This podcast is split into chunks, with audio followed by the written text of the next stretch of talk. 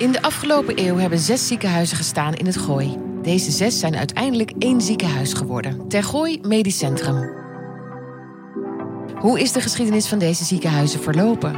En wat konden we de afgelopen eeuw verwachten van de medische zorg? In deze aflevering gaat het over het Diakonessenhuis Hilversum. Dat wordt geopend in 1900. Het is het jaar dat Hawaii officieel een Amerikaans territorium wordt. Het jaar dat Ajax wordt opgericht. Jacht om daveren langs de velden voor ons dierbaar rood. En de Amerikaanse legerarts Walter Reed ontdekt in Cuba dat gele koorts wordt overgedragen door muggen. Paul Kingma en Paul de Miliano zijn gepensioneerde artsen. Met de bouw van het nieuwe ziekenhuis in Hilversum vonden zij het belangrijk dat de geschiedenis niet wordt vergeten. Ze hebben beide een lange staat van dienst als arts in Tegooi MC. Ik ben Paul Kingma. Ik ben in 2002 in Gooi Noord begonnen als eh, internist MDL-arts. Eigenlijk alleen bezig gehouden met de maagdarmleverziekte met MDL. 2022 ben ik met pensioen gegaan. Mijn naam is Paul de Meliano, gepensioneerd cardioloog en werkzaam in Tergooi van 1992 tot en met 2021. Wij zijn Joris Kreugel en Marjolein Dekkers, host en verslaggever van deze podcast.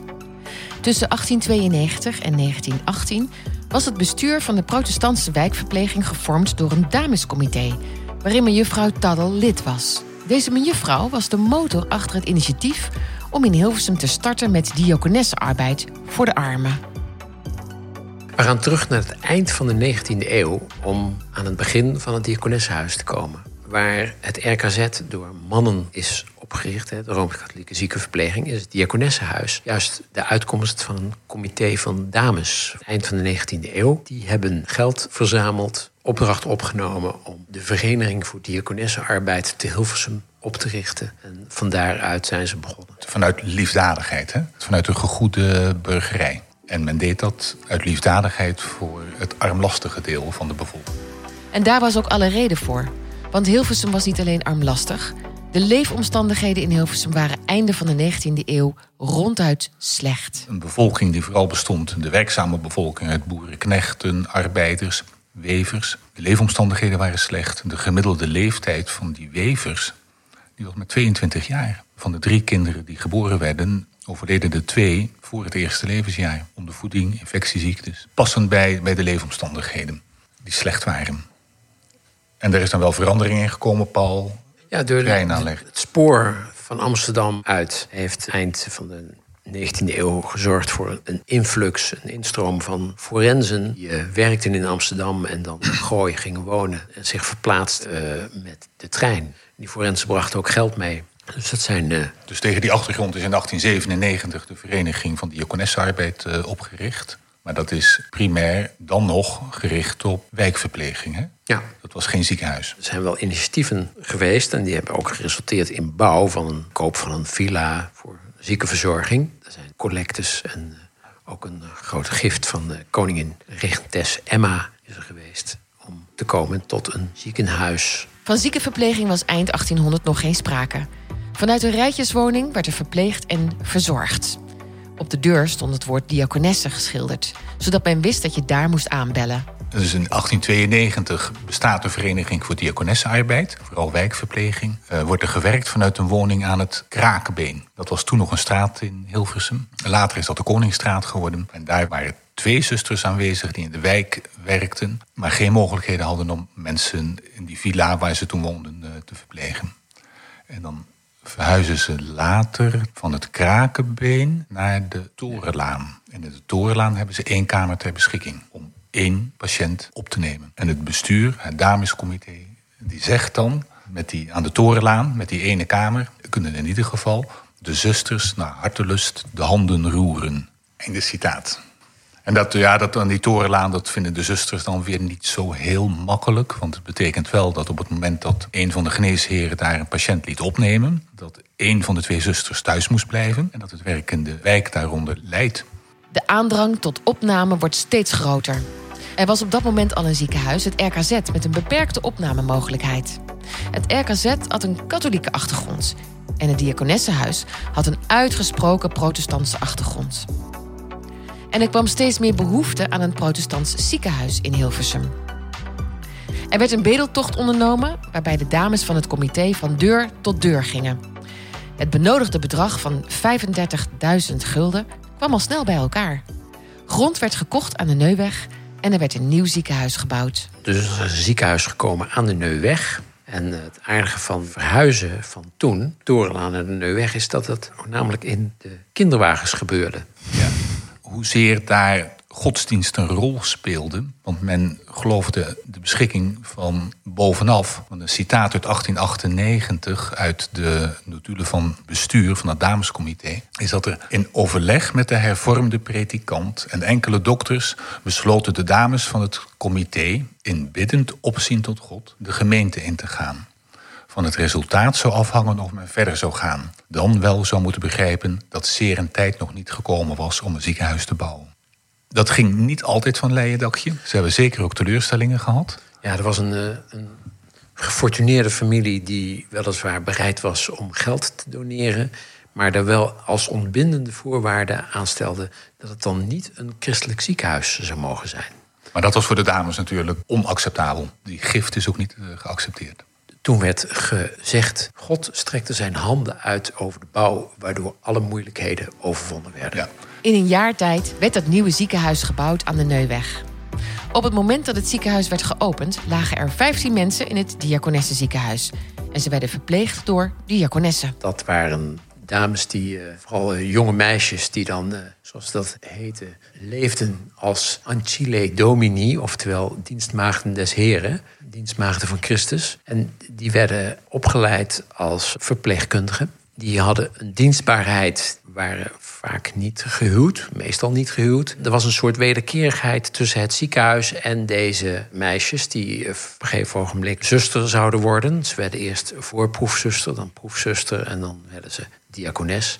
Dat was een heel officieel uh, gebeuren. Uh, dat, dat, laatste was echt een wijding. En die wederkerigheid waar ik het net over had, die bestond eruit dat deze vrouwen niet alleen hun diensten aanboden aan het ziekenhuis en dus de verzorging van de zieken deden, maar anderzijds ook dat het ziekenhuis hun onderdak bood. En ook na afronding van hun werkzame leven tot in lengte van dagen onderdak zou bieden. Nog heel even terug naar bijvoorbeeld de verschillen tussen het protestantse diakonessenhuis en het katholieke RKZ. Deze diakonessen waren niet religieus in de zin van dat ze niet gelofte in een kloostergelofte hadden afgelegd. En dus niet in een klooster woonden. Ze hadden meer vrijheid van wonen, werken, leven dan de religieuze waar we het eh, bij het RKZ en in het noorden van het Gooi in de Mayelle over gehad hebben. De nonnen. Maar het diakonessenhuis was wel echt...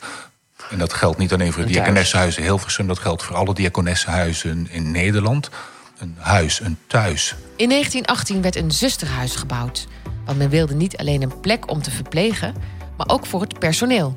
Dat voelde men evenwel als een plicht om te verzorgen, maar ook onderdak te bieden aan hun medewerkers. En in 1926, 27, dan breidt het ziekenhuis fors uit. Gaan de diakonessen voor de derde keer langs de deur in eh, Hilversum. Er worden weer grote bedeltochten ondernomen om financiën te vinden om het ziekenhuis verder uit te breiden. En ook dat lukt. Het aantal bedden neemt dan toe van 50 naar ruim 100. En technisch hoogstandje, er komt een lift. Tot de Tweede Wereldoorlog werd het ziekenhuis uitgebreid en dat ging uiteindelijk ook ten koste van de tuin. Op het terrein aan de Neuweg is geen ruimte meer om grootschalig uit te breiden.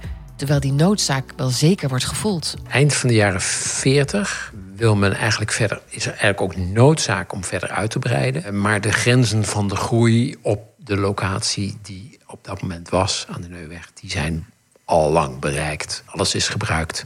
En dan gaan de stemmen op van het ziekenhuis moet ergens anders misschien nieuw gebouwd gaan worden. Daar uh, worden alle zeilen voorbij gezet en daar worden diverse locaties ook voor genoemd. Ja, er zijn zeker locaties voor genoemd. Waarbij het Diakonessenhuis in eerste instantie al het oog liet vallen op het terrein aan de Van Riebeekweg, waar nu het, ziekenhuis uh, staat. Maar daar was de gemeente niet zo gecharmeerd van. En die hebben een alternatief geboden aan het Diakonessenhuis. En dat was aan de Diependaalse Laan, aan het eind van de Pieter de Hooglaan de gemeente vond dat daar het nieuwe diakonessenhuis gebouwd zou kunnen of zou moeten worden. Op 5 maart 1951 wordt aan de minister een uitgebreid rapport aangeboden met het verzoek om te mogen bouwen en waarin de argumenten worden aangedragen waarom een nieuw ziekenhuis noodzakelijk is. Er wordt een rapport opgesteld En dat er opgemerkt wordt dat de bevolking van Hilversum voor 72,92 procent niet rooms-katholiek is. Let op de cijfers achter de komma. Ja, 72,92 procent niet rooms-katholiek. Of dat nou wil zeggen dat ze allemaal protestant zijn, is een ander verhaal, denk ik. Maar niet rooms-katholiek. Dat werd als argument gehanteerd dat het diakonessenhuis moest uitbreiden. En het RKZ misschien wel niet. En in de loop van de jaren 50 krijgen zij toestemming om een ziekenhuis te bouwen aan de Van Riebeekweg. Waar er meer ruimte is voor de kraamafdeling, het aantal bedden kan toenemen, waarin er koelkasten in de keuken kunnen worden geplaatst. Tot dan toe heeft het ziekenhuis kennelijk geen koelkasten gehad in de keuken. Een grotere OK en er komt een financiële afdeling. En dat terrein aan de Van Riebeekweg, eh, daar stond sinds 1920 ook al het sanatorium Hilversum. Een van de sanatoria in het Gooi. Eigenlijk aan de Soestijkerstraatweg. Ja, dat heette toen nog de Soestijkerstraatweg. Ja. En de eigenaar van dat sanatorium het was de Hilversumse Vereniging tot Bestrijding van Tuberculose. Oorspronkelijk een landhuis, verbouwd tot sanatorium. En dat heette de Villa Bosrand. Het lot van de Villa Bosrand is weinig fortuinlijk. Want eind jaren 50 worden de sanatoria natuurlijk geleidelijk overbodig. Omdat tuberculose op een andere manier genezen kan worden. En de villa en de grond worden verkocht aan het diakonessenhuis. Die net op nieuwe grond zaten te wachten en nieuwbouw wilden plegen. Dus dat vulde elkaar mooi aan Ja. op dat moment. Dus uiteindelijk nog wel een hele tijd geduurd hoor, voordat dat nieuwe ziekenhuis eh, er kwam. Ik denk dat het niet onvermeld mag blijven dat de huisarts uit Hilversum, Isaac Westrop, die als soort bouwdirecteur werd aangesteld voor het nieuw te bouwen Diakonessenhuis. Maar die Isaac dat is nog wel vermeldenswaard, want dat is wel een multitasker in de ruimste zin van het woord. Niet alleen directeur, CQ bouwdirecteur van het Diakonessenhuis op dat moment, belast met de nieuwbouw van het nieuwe ziekenhuis aan de Van Riebeekweg, maar was daarnaast ook nog oud-huisarts en directeur van het sanatorium, directeur van de Vereniging Tuberculose in Hilversum. Hij had ook een heel goed zakelijk inzicht. enorm goed zakelijk inzicht. Want hij heeft uiteindelijk om de nieuwbouw te financieren, is natuurlijk ook weer geld nodig. En het kapitaal wat het Diakonessenhuis heeft, dat zit in gebouw en dat zit in grond aan de Neuweg. Dat willen ze verkopen aan de gemeente. De gemeente wil dat ook kopen. En dan laten zowel Isaac Wessel als de gemeente een taxatie verrichten van gebouw en grond aan de Neuweg. En de verschillen zijn enorm groot in die twee taxaties. En het ziekenhuis heeft de opbrengst daarvan nodig om een deel van die nieuwbouw in ieder geval te financieren. Dat heeft hij op een gewiekste manier gedaan. Want uiteindelijk heeft hij toch het bedrag gekregen wat de taxatie die hij door het ziekenhuis was verricht, of die hadden ze later verrichten, had vermeld. Ruim 2 miljoen gulden. Terwijl de gemeente, die het uiteindelijk de grond en de gebouwen heeft gekocht, op een veel lager bedrag uitkwam. 1,2 miljoen gulden. In 1960 was de eerste steenlegging door een van de kinderen van geneesheer Isaac Wessel. En die steen is nog steeds te zien. De verhuizing van de Neuweg naar de Van Riebeekweg werd in 1964 met een militaire precisie uitgevoerd. operatie Diakones. Door de toenmalige, toen had je nog de bescherming bevolking. En die had in Hilversum de kolonne A, Kring Noord-Holland. En die hebben een heel draaiboek gemaakt. En die hebben eh, uiteindelijk eh, de patiënten van de Neuweg verhuisd naar de Van Riebeekweg. Eind jaren 60 komen gesprekken op gang met het RKZ... met als doel het verkennen van een gezamenlijk nieuw christelijk ziekenhuis in het Gooi. In die eerste periode is daarin geen plaats voor zonnestraal. Omdat zonnestraal geen christelijke achtergrond heeft... en tot dan toe een eigen koers vaart. Die heeft ook de fusiebesprekingen in de weg gestaan. Tot in de jaren zeventig.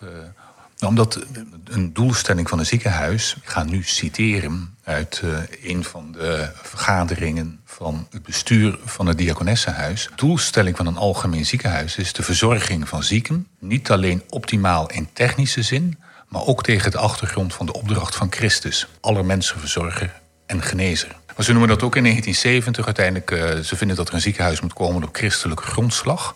Maar dan zou dat dus zijn een ziekenhuis, het diakonessenhuis, protestant met de RKZ katholiek. En ze vinden het dan, uiteindelijk- ze zien ook wel dat, dat die noodzaak bestaat in de jaren 70. Ze noemen het dan een ecumenisch experiment. In 1983 werd er wel gefuseerd in Hilversum. Daar was eerst sprake van een ecumenisch experiment... Maar door druk vanuit Den Haag kwam er een fusie tussen drie ziekenhuizen. Daarbij telde mee dat de toewijzing van hartchirurgie aan zonnestraal voor dat ziekenhuis uiteindelijk werd ingetrokken. En men daar dus ook meer naar de andere ziekenhuizen in de regio ging kijken. En er omgekeerd gedacht werd aan de macht van het getal. Inmiddels werd er ook een nieuwe dominee benoemd, die overigens niet meer in het bestuur zat. Verslaggever Joris Kreugel praat met dominee Kogeel. Op het bankje. Dan hebben we uitzicht op het uh, dialysecentrum. En dat is volgens mij, ik denk, net tegen de vlakte geslagen. Dat ligt naast de hoofdingang. Uh, ik moet zeggen, als ik voor dat enorme ziekenhuis daar sta... waar ik nou net vandaan kom, dat, dat hoofdgebouw... Ja, dat ziet er allemaal prachtig uit, maar het is zo steriel als de pest. En dit, dit, uh, dit was een doorleefd ziekenhuis, zeg maar. Misschien ook niet te doorleefd? Nou, het werd een beetje oud. Ja. En het, was, het voldeed niet meer. En er was natuurlijk al heel lang is, is er een beweging gaande... dat er steeds minder ziekenhuizen in Nederland komen. Dus er, er wordt steeds meer geconcentreerd. En, en dit hele proces van, uh, van drie ziekenhuizen naar één... wat uiteindelijk ter gooi is geworden, dat is al jaren geleden. Dat was in, in, begon in mijn tijd. Wanneer was dat? Ik ben in 1985 begonnen in het Diakonessenhuis. Als geestelijk verzorger dat diakonessenhuis had iets gemoedelijks nog. Ja. En dat hebben alle diakonessenhuizen. Er zijn er steeds minder. Het is een bepaald type ziekenhuis waar, waar de kerk ook mee te maken had natuurlijk. Ja, diakonessen, dat, dat, dat was een apart soort mensen. Die, uh, ik, ik, weet niet of je er iets van weet, maar ooit in Duitsland, in de helft de 19e eeuw, 1850 zo'n beetje, is Theodor Vliegner. Die werd weer geïnspireerd door het Nieuwe Testament en wat daar, wat daar eh, gezegd werd over diakenen en, en dienstbetoon aan de arme mensen, de mensen die, die behoeftig waren en hulp nodig hadden. De diakenen, de diakonos. En die werd daardoor geïnspireerd en is begonnen met het, uh, met het oprichten van ziekenhuizen. En dus men, eh, speciaal voor diakonessen. Dus het doet wel een beetje pijn als we hier zo naar kijken, denk ik. Ja, ik heb hier voortreffelijke jaren meegemaakt. En, uh, en dat hele proces naar eenwording, dat was op zichzelf uiterst boeiend, maar gecompliceerd. Er waren drie heel verschillende ziekenhuizen. Was u het ermee eens? Dat werd aan mij niet gevraagd. Oh, dan vraag ik het. het ja, dat, dat wordt op directieniveau wordt dat besloten. En uiteindelijk eh, is, er, is er natuurlijk vanuit uw voorganger, ja, dat was toch iemand met veel gezag en ook eigen opvattingen? Ja, zeker. Mijn voorganger was directeur nog. Ja. Is u een klein beetje dan naast het potje? nee, zo heb ik het nooit gevoeld en ik had het ook nooit willen worden. Want het is mijn vak niet. Nee. Dit is een apart vak. Mijn voorganger, die, die, was, die was directeur. En, en voordat hij wegging, een paar jaar voordat hij wegging... werd dat, werd dat, uh, dat instituut van dat de geestelijke verzorger dat de dominee ook directielid was, dat werd afgeschaft. Predikant-directeur heette dat? Directeur. Ja. Zo, zo, dat was wel mooi. Ja, mooi. Ik heb één keer een, een euthanasie meegemaakt. Dat vond ik ook wel heftig eigenlijk.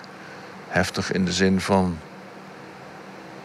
dan komt er in één moment eigenlijk zoveel los aan verdriet om wat geweest is en om het afscheid. En ja, dan maak je mee dat iemand doodgaat.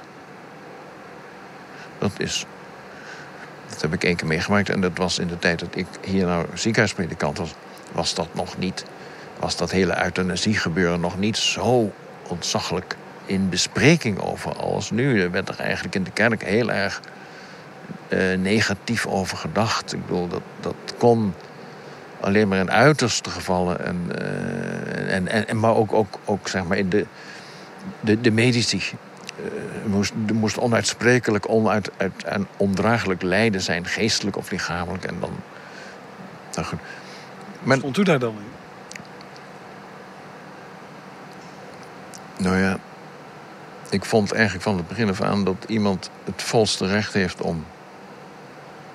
om te zeggen: het is genoeg. Ik, ik hou dit niet meer vol. Ik, achteraf denk je, ik had uh, vaker met artsen moeten praten ook. Dat gebeurde af en toe wel een enkele keer over een patiënt. Maar als ik dan dacht... deze mevrouw lijdt ongelooflijk... dan was de vrij koele diagnose van de arts... Ja, maar dat is een hysterische vrouw. Hysterische vrouw. Ja, maar ook als, als hysterische vrouw kun je geweldig lijden, toch? Ja, ja, ja, en dan ontstond er iets van een... Ik kan het niet eens goed onder woorden brengen, maar... Dan ontstond er... Oh ja, dat is, het, dat is de andere wereld van de arts en, en mijn wereld. Ik kijk anders naar mensen dan een arts. En ik, ik, heb, ik had er soms nog ongelooflijk de pest aan...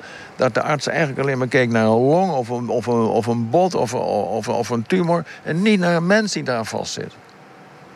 Dat vond ik soms lastig. En toch had je daardoor soms een conflict... omdat het mij niet ging om, om, om, die, om die long die, die eruit gehaald moest worden... maar omdat daar een mens aan met een, met een gezin en met een geschiedenis... en met, met werk en met frustraties en weet ik wat. Ja, dat kan een arts natuurlijk allemaal niet behappen. Dat begrijp ik heel goed. En toch vond ik het lastig. Ze hadden me best beter kunnen begrijpen door me vaker te roepen van... hé, hey, kom eens even hier, want dit is hier, ik, ik snap er geen donder van. Kijk jij er eens naar. Dat gebeurde te weinig. Je bent toch wel een apart soort figuur in een ziekenhuis... waar alles natuurlijk gericht is op genezing, op, op, op, op medicatie, op, op operatie, op, op, op weer weg. We keken op een andere manier naar de mensen. Hoe liep u hier rond eigenlijk? Liep u ook in een eh, Nee. in een toga? Nee. gewoon, eh, kleding? Gewoon kloffie. Ja. Nee, stel je voor. In de, in de zondagse diensten hadden we wel de toga aan. eh, zowel Vincent als ik. En die zondagse diensten, dat was wel mooi hoor. Eh, men- Mensen konden met bed komen of lopend of in een rolstoel. Maakt allemaal niet uit. Maar dat waren wel mooie momenten. En eh, we dronken koffie na afloop. En het, het, het gaf ook een band met dat legertje beddenrijders... die we heel erg nodig hadden. En waar we dus ook voor moesten zorgen natuurlijk. Na het overeenkomen van de fusie in 83, dus van 88 tot 91 verbouwd is geworden op de locatie van het Diakonessenhuis. Op dat moment is eigenlijk het einde van het Diakonessenhuis, waar we het nu over hebben, al ingegaan. Want het Diakonessenhuis werd leeggehaald in 88. Men ging verspreid over het RKZ en Zonnestraal de eerste jaren verder, van 88 tot 91. En in 91 is dus het streekziekenhuis geopend. En toen hadden met name de mensen die voorheen in het diakonessenhuis werkten... weer het gevoel dat ze op de oude stek waren. Dat waren ze ook, maar het was wel een verbouwd oude stek. En het was een vernieuwd ziekenhuis. En het had ook een andere naam, het, een andere bevolking, andere patiëntenpopulatie. Mensen uit het diakonessenhuis hadden wel het gevoel dat ze weer thuis kwamen. In 1991. Deze podcast werd mogelijk gemaakt dankzij financiële bijdrage van de medische staf Tergooi MC, Stichting Vrienden van Tergooi, de Dr. Isaac Bessel Stichting en met speciale dank Co Jan-Willem Jutman en Frits van Kersen.